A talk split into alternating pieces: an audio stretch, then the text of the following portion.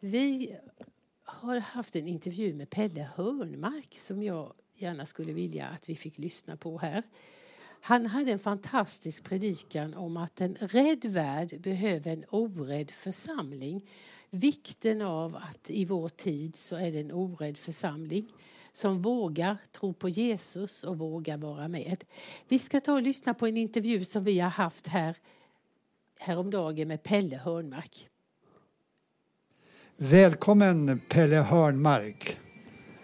Du är ju pastor och du har varit på Nyhemsveckan många gånger. Mm. Har du räknat? Nej, nej. Om du skulle gissa? Om jag skulle gissa så har jag väl varit här 50 eh, gånger. Ja.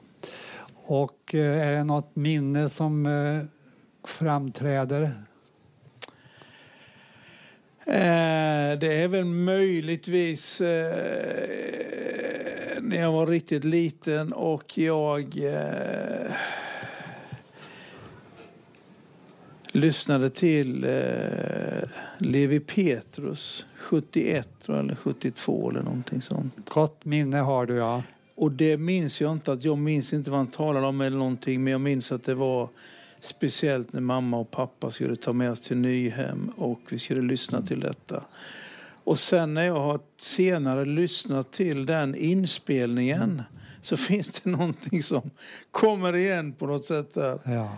Jag, vet, jag var ju bara tio år då. Så att jag menar, jag har inget men eh, i den åldern minns man ju mest kulbacken ja. och hålla på och springa runt och dra i tältlinen och kasta kotte på tältduken och så. Men det är ju en viktig insikt du har att eh, det finns sånt som har lagt sig ändå inom dig. Mm. Ja. Sen så ja. har jag väl i många, jag har haft jättemånga fantastiska upplevelser. Du, i år så har man ju valt ett tema för Nyhemsveckan och det är För en ny tid. Mm. Hur tänkte du när du läste det första gången?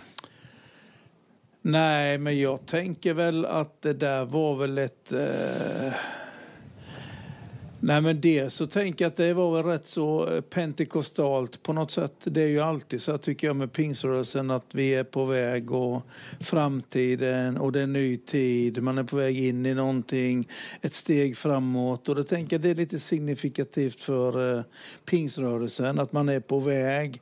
Sen är det också, tänker man en ny tid så tänker man ju verkligen att det är ju verkligen det är ju verkligen en ny tid. Det är ju så många grejer som man bara för tre, fyra år sedan kände att det här är inte möjligt. Men vi har fått se en värld som har stannat av under pandemin. Vi har fått se en mängd saker. Vi har fått se kriget blossa upp igen på vår egen kontinent. Och, så det är ju en ny tid på många sätt. Så jag tänker att... Eh... Då undrar jag, om du skulle sätta till några ord efter, vad skulle du välja då? Högst två. För en ny tid. Ja, för de förlorades skull. Mm. För världens skull. Då går vi vidare och då är det så här att för några veckor så, sedan så predikade du för i Växjö som då är din hemförsamling. Och du hade rubriken I en rädd värld behövs en orädd församling. Och jag undrar, vad var ditt budskap?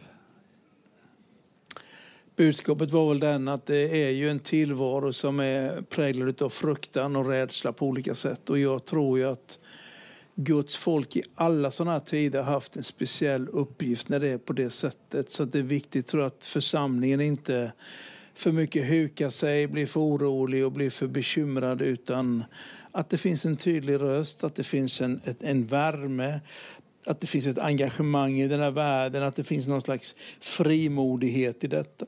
Jag tänker att det är alltid risk för att vi i våra församlingar också blir tystnar, blir hukar oss lite grann men den här tiden behöver verkligen en frimodig röst, en frimodig kyrka. Och jag har ett papper här med en del av dina tankar. Och nu får du se vad du har sagt. Och då får du här välja någon rubrik eller någon rad. Ja, nej, men jag skulle väl eh, kunna säga att eh, jag tänker ju att det är en tid på det sättet där kanske kristenheten i allmänhet och om man nu tar bibeltroende i synnerhet är lite hårdare utsatt i media, i samhället. Så jag talade bland annat om att jag tänker ibland att vi inte bara lever i en postkristen tid utan till och med i en antikristen tid. Det vill säga att eh, religionsfriheten verkar handla mer om att man ska slippa religion mer än att religionen och friheten att kunna förkunna evangelium finns där. Och det tycker jag kommer på många områden. Så det tänker jag att det är bra att hålla huvudet kallt i allt detta och inte för mycket bli bekymrad och oroad för att jag uppfattar att Bibeln aldrig har lovat en kristen att leva utan bekymmer, utan problem, utan prövning, utan förföljelse. Det tillhör det vardagliga i ett kristet liv. Så jag tänker att i den här tiden när de går lite hårt åt bibeltroende eller vad man nu kallar det för, som vill läsa Bibeln och stå upp för de värderingarna, när man blir väldigt misstänkliggjord och man blir betraktad som någon slags stenåldersrörelse och människor, att man inte är bekymrad och orolig utan orkar och vågar stå fast. Och om man då tittar på församlingar, du åker ju runt och har varit Sverigeledare. Mm. Hur tänker du då? Finns det mycket oro eller har man beredskap för kriser och så? Jag tycker nog att... Eh, nej men jag tycker nog att församlingarna generellt är rätt så bra på att snabbt anpassa sig efter tiden. Det tycker jag nog. Tycker det. Jag har jobbat mycket nu med Ukraina-krisen och jobbat mycket, varit mycket i Polen och Rumänien och inne i Ukraina. Konstaterat att församlingarna ändå är väldigt bra på att ställa om sig, även församlingar i Sverige, att göra någonting, att vara på hugget. Så jag tycker nog ändå att det är rätt hoppfullt att man är beredd att agera när någonting händer. Ibland kan jag väl däremot tänka att vi kanske ibland lite för mycket kanske kompromissar med våra övertygelser för att vi vill vara liksom på något vis en, en accepterad eh, röst, en accepterad kyrka i samhället. Och det där tror jag krockar ibland. Men generellt så tycker jag nog ändå att de församlingar jag möter de är rätt bra på att eh, vara på hugget när det behövs. Om du skulle välja någon ytterligare rad ur ditt manus? Då skulle det väl vara i så fall att rikta blicken rätt. Rikta blicken på källan, inte på resultatet till exempel. Det vill säga att ibland blir man liksom lite prestationsfylld och eh, lite ångestladdad när man försöker hela tiden titta på vilket resultat det blir. Medan jag uppfattar att Bibeln säger att Jesus säger att den som förblir i mig kommer att bära rik frukt. Utan mig kan ingenting göra. Det vill säga att man mer sätter fokus på det som är själva källan, det som är ursprunget, det som är kraften, att hålla sig nära Jesus. Inte bli förblindad av att prestera och prestera och titta på frukten. Och när du tänker på framtiden, hur vill du formulera det? Ja, framtiden.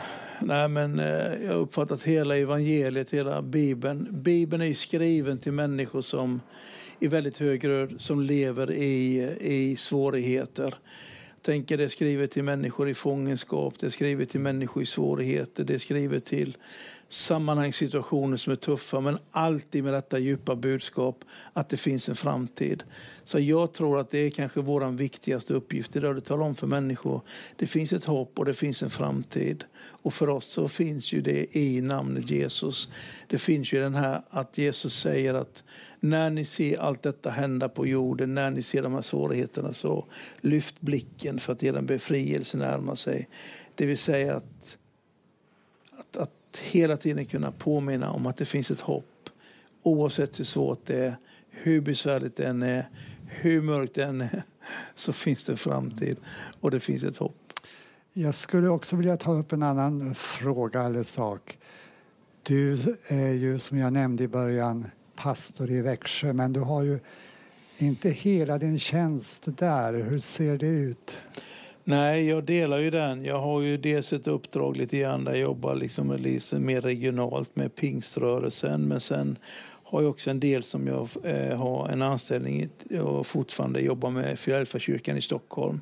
Och utifrån den anställningen så är mer mitt uppdrag Europa och världen. Så att jag ägnar rätt mycket tid åt Europa. Jag har ett uppdrag som ordförande för något som heter Pentecostal European Fellowship som är 60 pingströrelser runt om i Europa som har ett nätverk som man möts tillsammans. Och där har jag varit med och lett det arbetet i eh, sju år nu. Nu så stiger jag av det. I september har vi ett sånt årsmöte faktiskt i Stockholm, i Philadelphia. Och då eh, kommer jag att lämna det som är mitt uppdrag och jag kommer att lämna över det till andra. Men jag kommer fortsatt att vara engagerad i Europa. Speciellt kanske vad det gäller Balkan, eh, forna Jugoslavien som är ett område som behöver jättemycket stöd och hjälp på olika sätt. Där har jag byggt mycket relationer med pastorerna. Och sen likadant det som händer i Ukraina och det som är länderna runt omkring Ukraina där jag kommer fortsätta ägna en del av min energi åt det. Och eh, om du ska se på hela Europa, hur har pandemin eh, påverkat församlingarna? Så jag tänker att i flera länder, om man tar Italien, Frankrike, eh, där berättar de att de har ganska många pastorer som inte har klarat covid, som har dött.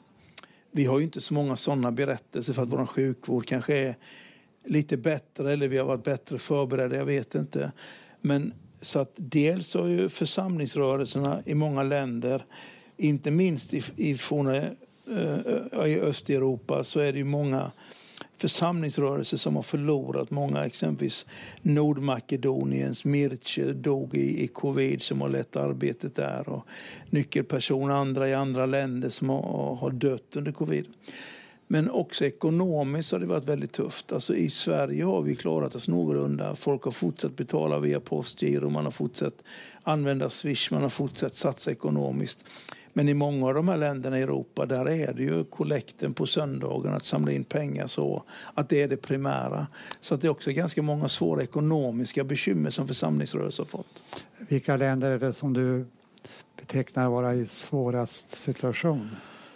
Nej, men jag tänker på de här länderna som är redan fattiga, utsatta. Jag tänker på Moldavien, jag tänker på Bosnien, jag tänker på Serbien, jag tänker på eh, Albanien. Eh, jag tänker på ja, även länder som typ eh, Polen har drabbats rätt så hårt. Jag tänker på eh, Eh, ja, det är framförallt de österut, men jag märker också att både Italien och Frankrike har vittnat om detta, om svårigheten med den ekonomiska situationen.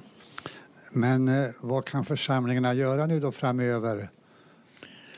Nej, men Guds rike är ju Guds rike och Gud kommer ta hand om sitt verk. Så jag tror att man får jobba vidare, man får jobba på. Det som är fördelen med det vi håller på med det är ju att det är ju ingen direkt pastor som slutar för att ekonomin försvinner. Det är ju bara att man ännu mer få söka Gud och be om Guds vägledning så att församlingen kommer ju att resa sig, kommer ju att rehabilitera sig, kommer ju inte att gå under. Det är bara att man får ett bekymmer och ett problem. Men drivkraften hos pastorer, hos ledare hos församlingarna är ju långt mycket större än att man skulle få lön eller någonting annat. Utan det är ju en livsuppgift, det är en passion man har. Så att det här kommer att rätta sig till, det är jag övertygad om. Så du menar att man fortsätter att ge till organisationer och församlingar som arbetar konkret då i ja, Europa? dels det så tänker jag att det är så. Sen eh, att vara med och vara stöttning och ett stöd. Va? Men jag tror ju väldigt mycket på att den församling som har en, en, ett rätt förhållande till Gud den kommer att klara, det är som Bibeln säger, att inte ens helvetets portar ska få makt över en utan man kommer att reda ut detta, hitta vägar igenom. Då undrar jag ju också, du slutar då med det här Europa-engagemanget. Betyder det att du går upp till full tjänst i Växjö då? Nej, jag kommer att fortsätta med mitt Europa-engagemang men inte utifrån den plattformen och den positionen. Jag kommer fortsätta jobba med olika pastorskonferenser, insatser på olika sätt. Så att, eh, jag är överens med eh, Filadelfiakyrkan i Stockholm att jag kommer fortsätta vara deltidsanställd där och kommer fortsätta arbeta med mitt Europa-engagemang. även att jag lämnar den positionen för att Europa har lite grann tagit tag i mitt hjärta så jag mm. tänker att det är inte för mig en anställningsfråga utan det är mycket mer någon slags passion för detta evangelium i Europa. Och till sist, har du någon tanke om vad du vill säga till lyssnarna som finns här på radioområdet i Nyhem? De sitter i husvagnar ja. och tält och vi vet att många också lyssnar via radion ut över hela landet. Nej, men jag vill säga, vi som har möjligheten och förmånen att ha tak över huvudet, mat att äta, husvagn att bo i eller tält att bo i eller ett, ett, ett hus att bo i. Att vi inte glömmer bort dem som inte har mat att äta, att vi inte glömmer bort dem som inte har detta, att vi inte glömmer bort att andra människor är svårare att vi också i vårt land när vi har en sån här konferens, en nyhemskonferens, kan träffas fritt och predika evangelium. Att vi påminner det, även om det blåser snålt ibland i media, så har vi möjlighet att få förkunna evangelium och vara med. Och att vi inte glömmer dem, alla de som lever idag under svårigheter som kristna runt om i världen, utan att vårt hjärta finns hos dem. Det vill säga att vi inte lever bara för oss själva utan har vårt hjärta och vår tanke med dem som kämpar materiellt, ekonomiskt, men även andligt och i sin tro. Då säger jag tack så mycket till dig. Tack så jättemycket. För att du kom till Radio Nyhem, ska säga rätt, Radio Nyhem. Ja, tack. Tack Pelle tack. Hörnmark. Tack.